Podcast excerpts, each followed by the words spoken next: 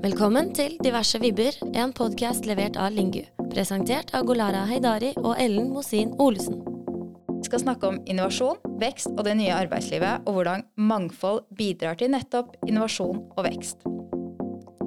Yes, Er du klar for dagens gjest, Ellen?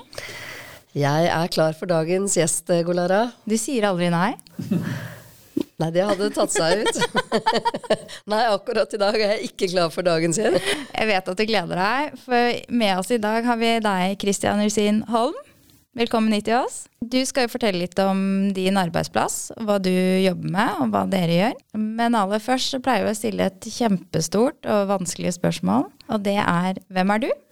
Det var et eksistensialistisk spørsmål. Eh, jeg er da Christian Skinholm, jeg er daglig leder i Unicus. Jeg har jobbet innenfor IT Telekom i 20-25 år. I både store selskaper som Telenor og mindre selskaper. Ellers så er jeg den lykkelige pappa til eh, to jenter på snart 13 år. Eh, så mye av mitt, min fritid kommer til å være sammen med de og gjøre ting med de. Og akkurat nå jobber du som daglig leder i en veldig interessant eh, organisasjon. Eh, og det er derfor vi har invitert deg hit. Kan du fortelle litt om Unicus? Mm. Unicus er et uh, IT-selskap, men vi sier også at vi er et annerledes IT-selskap. Og det som gjør oss annerledes, er at alle våre konsulenter har Asperger. Asperger er eh, en diagnose på autismespekteret. Asperger er vel egentlig i ferd med å gå vekk som en diagnose. Man kaller det autismespekterdiagnose. Ja, autismespekterforstyrrelse er vel den riktige. Den, så det er et spekter fra folk som er eh, på institusjon, til folk som er velfungerende, og de aller fleste er velfungerende. Og det er de velfungerende vi ansetter som IT-konsulenter. Det er dessverre et stort problem for veldig mange med Asperger. Um, og det er til tross for at de har høy kompetanse. Mange har eh, utdannelse både på bachelor og master, og til og med også noen doktorgrader. Til tross for det, og til tross for at både næringsliv og offentlig sektor sier at de mangler eller ikke finner IT-kompetanse, så er det veldig veldig høy arbeidsløshet blant disse personene. Så vi henter alle våre fra et utenforskap. Alle kommer fra Nav-systemet, mer eller mindre. Um, og vi jobber som konsulenter da, for store norske virksomheter med IT-testing, dataanalyse, eh, datakvalitet og forskjellige ting. Ansetter du utelukkende folk med asperger? Ja. ja. Hvorfor valgte dere det? Nei, akkurat som jeg sa, det er en, en gruppe som, uh, hvor en stor del faller utenfor. Uh, til tross for at de har veldig mange egenskaper som vi ser at er viktig innenfor IT. Og Lars, som startet selskapet tilbake i 2009, han ble inspirert av en uh, dansk person som heter Torkil Sonne, som kanskje var en av de første som koblet dette med autisme og IT-jobber. Hans sønn har selv autisme. Eh, og han så at de hadde, han og vennene hans hadde veldig mange egenskaper som er ettertraktet i, innenfor IT-jobber. Og det er litt det sånn også vi tenker. Vi ser at de har egenskaper som f.eks. detaljfokus, nøyaktighet, struktur, mønstergjenkjenning. Og hvis du kobler det med IT-kunnskaper, så får du veldig dyktige IT-konsulenter. Du får faktisk noen konsulenter som kanskje vi kan si har en konkurransefordel i forhold til andre, så vi prøver å snu diagnosen litt på hodet og si at eh, det er egenskaper ved diagnosen som faktisk er en fordel innenfor disse jobbene. Um, med, nå har jeg spurt Nav om, hvor, uh, om de har noe tall på hvor mange med Asperger som er arbeidsløse, men det har de ikke. Men vi ser tall fra andre land hvor de ser på hele autismespekteret, så snakker de om uh, 70-80% altså veldig høye tall. For um, veldig høyt opp på arbeidsløshet for personer med Asperger. Så det, det, er jo veldig i tråd med det vi har snakket om tidligere, Ellen. Ved, å, eh, ved hjelp av tilrettelegging og se personene du skal jobbe med og lede, så kan du eh, utløse en kjempeverdi. De kan være med å bidra til å skape den veksten og resultat, de resultatene som selskapet ønsker, og som er viktig for dem selv. Eh, men hvis vi begynner helt eh, Hvis vi begynner med rekrutteringen, hvordan, hvordan går det fram der? Det vi starter med, er selve annonseteksten. Eller vi har egentlig ikke annonser, vi har egentlig bare en beskrivelse av eh, en stilling på websiden vår. Så er det egentlig bare to ting vi spør etter. Det ene er at personen er asperger. Og det andre er at personen skal ikke ha noen IT-kunnskaper. That's it, egentlig. Så vi prøver å sette terskelen lav for at det ikke skal være ting som skremmer dem vekk, at vi stiller noen rare krav som ikke de, de har forståelse for. Det er det enkle. Det er det ene. Eh, og så er det selve intervjuprosessen. Eh, intervjuprosess er jo stressende for alle, men kanskje spesielt stressende for en person med asperger. Eh, de kan slite med sånne ting som øyekontakt, eh, svare med enstavelsesord, og generelt ikke være flinke til å svare spesielt på åpne eller abstrakte spørsmål. Så vi prøver å stille veldig konkrete spørsmål. Vi prøver å ha en prosess hvor vi har først et videomøte hvor vi mer prøver å snakke sammen. Vi stiller jo noen spørsmål, selvfølgelig, men forteller mye om Unicus, forteller om hvordan vi jobber osv. for å prøve å senke skuldrene deres litt, at de skal bli litt mer bekvemme med intervjusituasjonen. Og så har vi mer vanlige intervjuer etter det, men prøver da, som, som jeg nevnte, å stille mer konkrete spørsmål enn stille abstrakte spørsmål. Eh, og så har vi en del programmeringstester og, og eh, litt logikktester som vi får dem til å gå gjennom. For det har vist seg at flere av de som da ikke har noe særlig utdannelse, har faktisk veldig gode programmeringsevner. Og det kan vi få fram gjennom sånne tester. Men det er langt fra en fasit på om en person skal bli ansatt eller ikke. Men det er ett av virkemidlene, og kanskje den beste delen med de programmeringstestene, er når vi sitter og diskuterer programmeringen med den ansatte eller den kandidaten etterpå. Da får vi fram ofte veldig, veldig bra ting og får sett litt hvordan personen tenker og hva han kan osv. Um, og så har vi en modell etter det som er si, et mellomsteg mellom rekrutteringsprosessen og ansettelse, fordi vi har eh, en praksisperiode som alle, så å si alle går gjennom. Da er de fortsatt i Nav-systemet, altså vi henter jo de fleste fra Nav-systemet. Eh, og da er det to ting vi jobber med. Det ene er at uh, vi jobber med litt kompetanseheving. Uh, fiske opp gammel kompetanse. Jeg nevnte at de fleste kommer fra et utenforskap som kommer til oss. Det betyr at de har hull i CV-en. Det betyr at de har enten falt ut av arbeidslivet eller ikke greid å komme inn i arbeidslivet. Hvilket igjen betyr at det er kanskje ting ved ved en arbeidssituasjon som de finner krevende. Så det bruker vi også litt tid til å prøve å finne ut av hva slags tilrettelegging personen eventuelt skulle trenge. Noen har veldig god idé om hva de trenger. Andre, litt fordi de aldri har vært i en skikkelig arbeidssituasjon, er ikke helt sikre på hva de trenger. Så da må vi prøve sammen prøve å finne ut hva som egentlig trengs. Og så er selvfølgelig personer med asperger, som alle andre, ikke statiske. Så om de når de starter oss kanskje trenger hjelp med én ting, så trenger de kanskje ikke det når de har vært der noen år.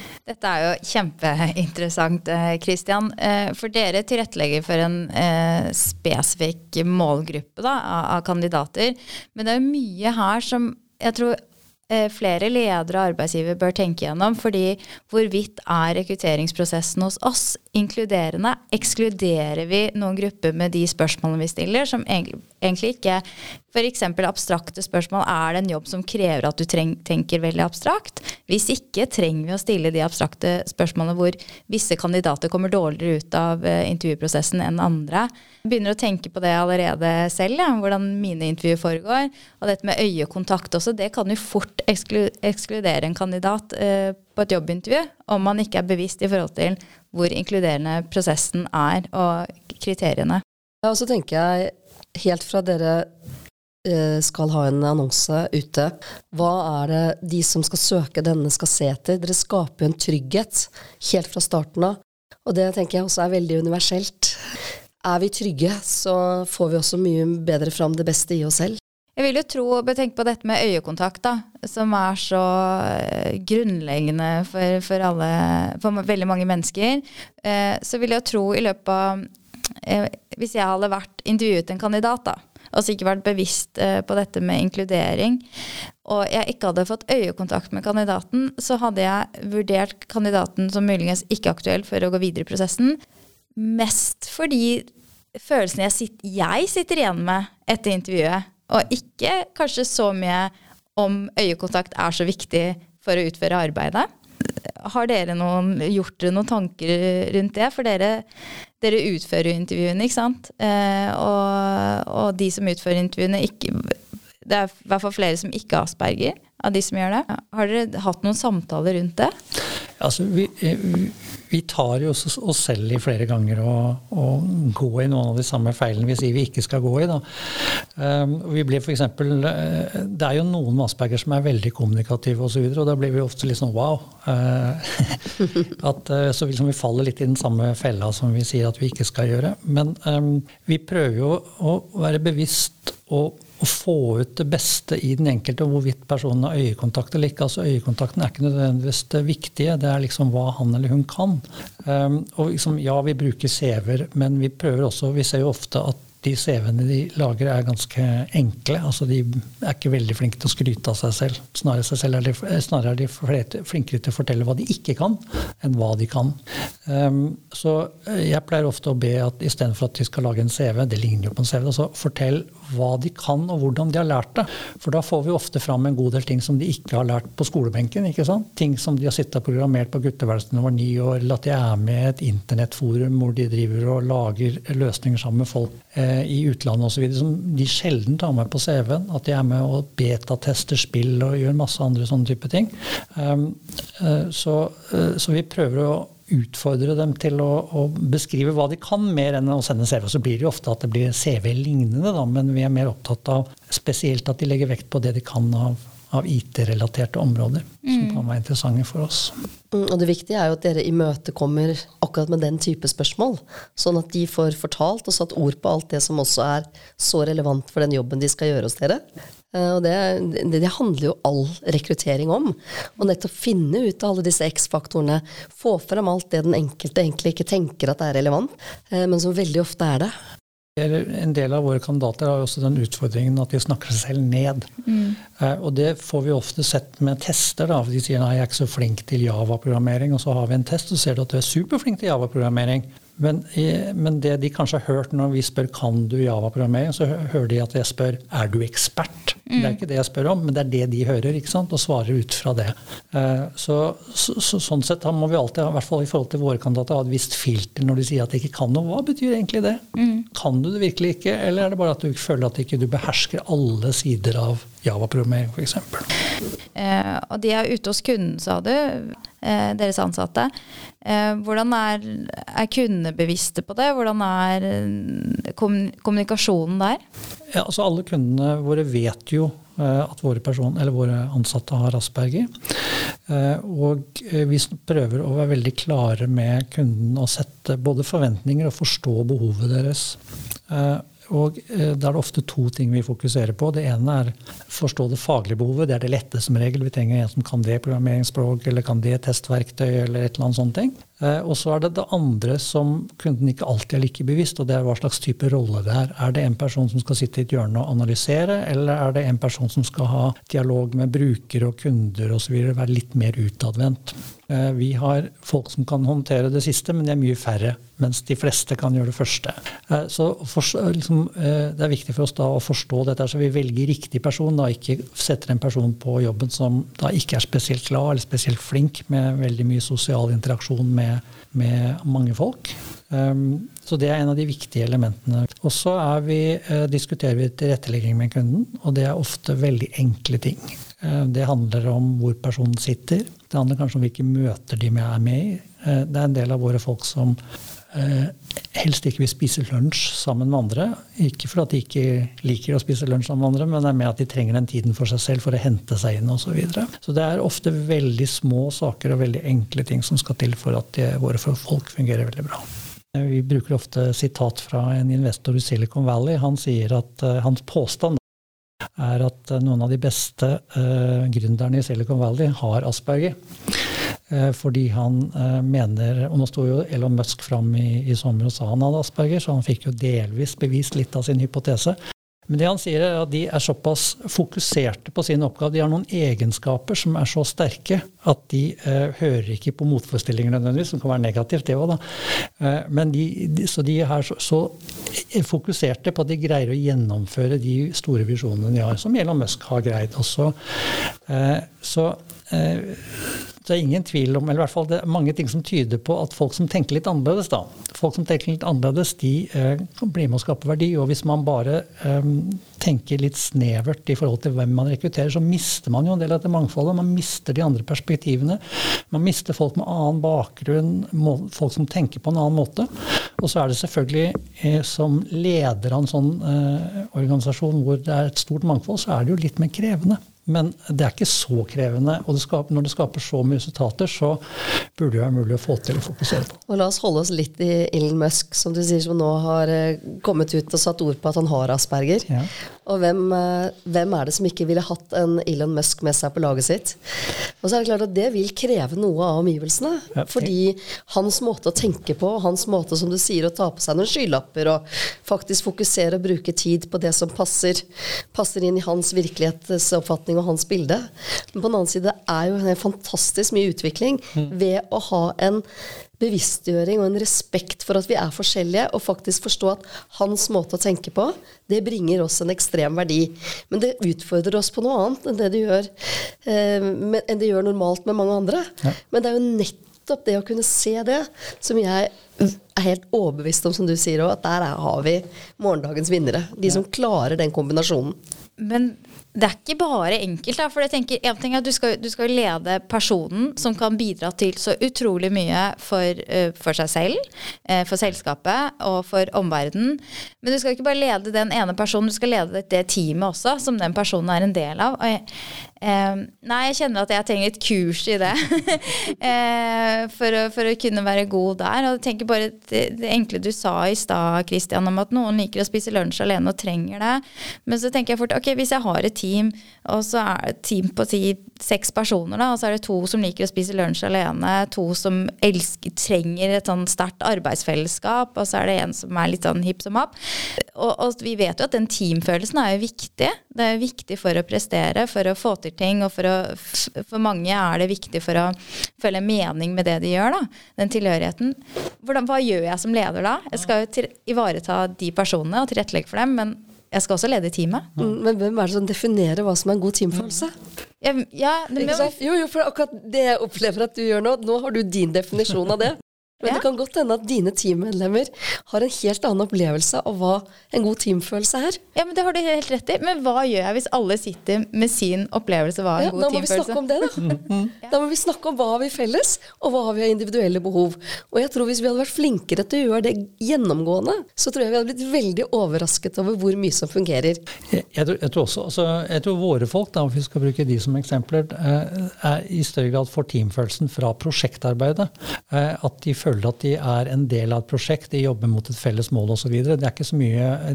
For dem er ikke kickoffer og lunsjer og sånne ting viktig i det hele tatt. Snarere tvert imot, de vil helst unngå dem. De fleste av dem, ikke alle. Ja. Eh, så de får lite energi fra sånn type. Det stjeler energi fra dem, snarere.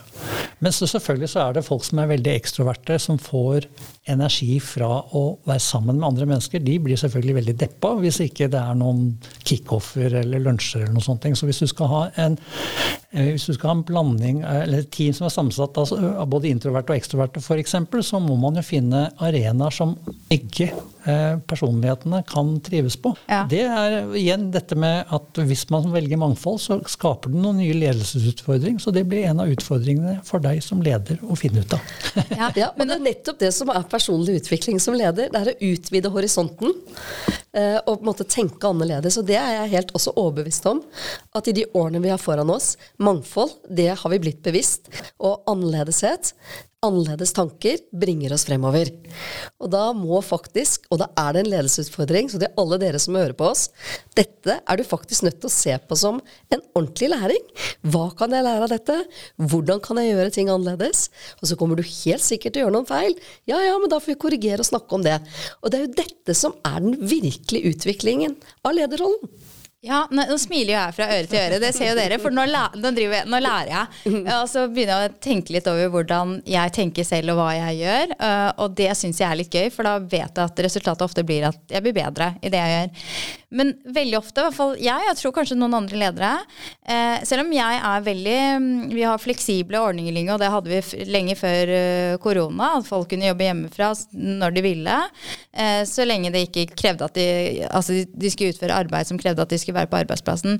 Eh, så, men veldig ofte så får jeg sånn bekreftelse på at jeg har gjort en god jobb som leder for teamet mitt. Når jeg går fra kontoret og har sett litt der litt sånn bilde av fire-fem personer smile og kose seg sammen og snakke sammen og være engasjerte om en arbeidsoppgave. Eh, eller at på Slack at det så supert jo, dette var gøy og her har vi det bra. Da kjenner jeg at jeg gjør en bra jobb. Men det dere sier, at det er ikke nødvendigvis de indikasjonene altså det, det er ikke det er de indikasjon, indikasjon. Det er også en indikasjon. Men det er ikke de jeg skal hige etter. Det er på en måte, det fins andre indikasjoner på at ting går bra. Det er akkurat det, og de må man se etter. Fordi vi ser jo verden sånn som vi er. Mm. Og vi, vi, vi, altså det som er viktig for deg, det er det du ser. Det er helt normalt. Men så er det mange der ute som har et litt annet bilde av hva det er. Og det er jo nettopp når vi knekker den koden, om å se begge deler, mm. og vi virkelig, virkelig får med oss alle menneskene. Mm. Og det er ikke noe fasitsvar på hva det er. Nei. Men det må vi ha en åpenhet for. Eh, og nettopp det er jo med på å skape resultater. Av denne samtalen fikk jeg et litt bredere mangfoldsperspektiv og inkluderingsperspektiv. Og dypere forståelse av hva det innebærer, og hva det krever av meg som leder. Mm. Mm. Og så er jeg jo sikker på at uh, trygghet for noen med asperger, så vil det å være sosial innen en forventning som kommer fra dem selv, mm. og ikke fra omgivelsene. Mm mm. er, kommer til å gjøre deg mer sosial. Mm. For det er det du som bestemmer det. Ja. Det er ikke en forventning om at du skal være en annen enn den du er. Mm. Og det er også veldig viktig i ledelsesperspektivet når det gjelder mangfold og inkludering. Det er å ikke bare se verden ut ifra seg selv. Mm. Og, vi har jo sosiale aktiviteter. altså Vi har vært på lasertag og vi spiller bowling og vi hadde pizzakveld i forrige uke osv. Så, videre, så det er ikke sånn at vi ikke har sosiale aktiviteter. Vi prøver å legge det på våre folks premisser. ikke sant? Eh, og det er frivillig å komme.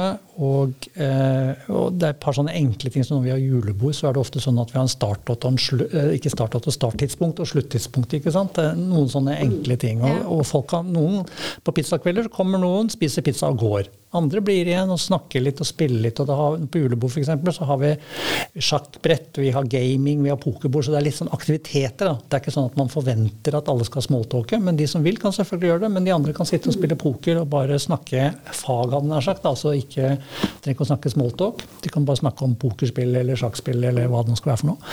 Så det fins jo måter å gjøre de sosiale tingene på som også inkluderer folk som er litt utenfor. Og så tenker jeg også, ikke sant du sier at eh, mange vil eller trenger um, sånn sosial interaksjon, og det er det mange som gjør. Men jeg tror vi også har litt sånn forutinntatte meninger om eh, en selger er sånn, og en utvikler er sånn, og osv. Og, og så viser jo forskning bl.a. at eh, de introverte selgerne er de beste selgerne. Det, så det knuser jo litt bildet om den, den store ekstroverte selgeren som er, eh, som er fantastisk. Det finnes sikkert veldig gode ekstroverte selgere, det er ikke det jeg sier, men uh, er, uh, den boken til hun Susan Kane, 'Quiet', der i hvert fall refererer hun jo til forskning som viser at de introverte selgerne er bedre enn de ekstroverte. Så jeg, jeg tenker at, Det har jeg sagt flere ganger, og jeg har sagt det andre steder, og jeg vil gjerne si det her. Dette med å prøve å tenke litt annerledes. Bare prøv litt i det, i det små. Det tenker var de store tingene Prøv å tenke litt annerledes i rekrutteringsprosessen. Prøv å tenke litt annerledes om du tar, hvem du tar inn. Prøv å tenke litt annerledes i, i, hvordan du setter sammen team, eller hvordan du leder team. Det fører til etter hvert du, du, vil nok sikkert snuble, du vil sikkert eh, gjøre deg noen nye erfaringer som kanskje ikke er like hyggelige, men jeg tror den totale erfaringen på sikt vil være så mye mer positiv. Og så tenker jeg den annerledesheten du snakker om, er Unicus et veldig godt eksempel på at utvikler noe større. For dere har blitt internasjonale. Dere har, dere har etablert til flere land. Dere er i Du kan jo gjenta det, du. Vi er Norge, Sverige, Finland, Holland og i ferd med å etablere oss i Polen. Ja, ikke sant. Og dere, hvor mange ansatte er dere nå, hvis du tenker i Europa? Vi er rundt 140 konsulenter og rundt 20 på ikke sant? Så det vil si at uh, annerledeshet, det er utviklende og innovativt, og der er det masse muligheter. Ja. Heia annerledeshet og heia Unikus. Ja. Tusen takk, Christian, for at du var med på podkasten vår. Tusen takk for en fantastisk engasjerende samtale.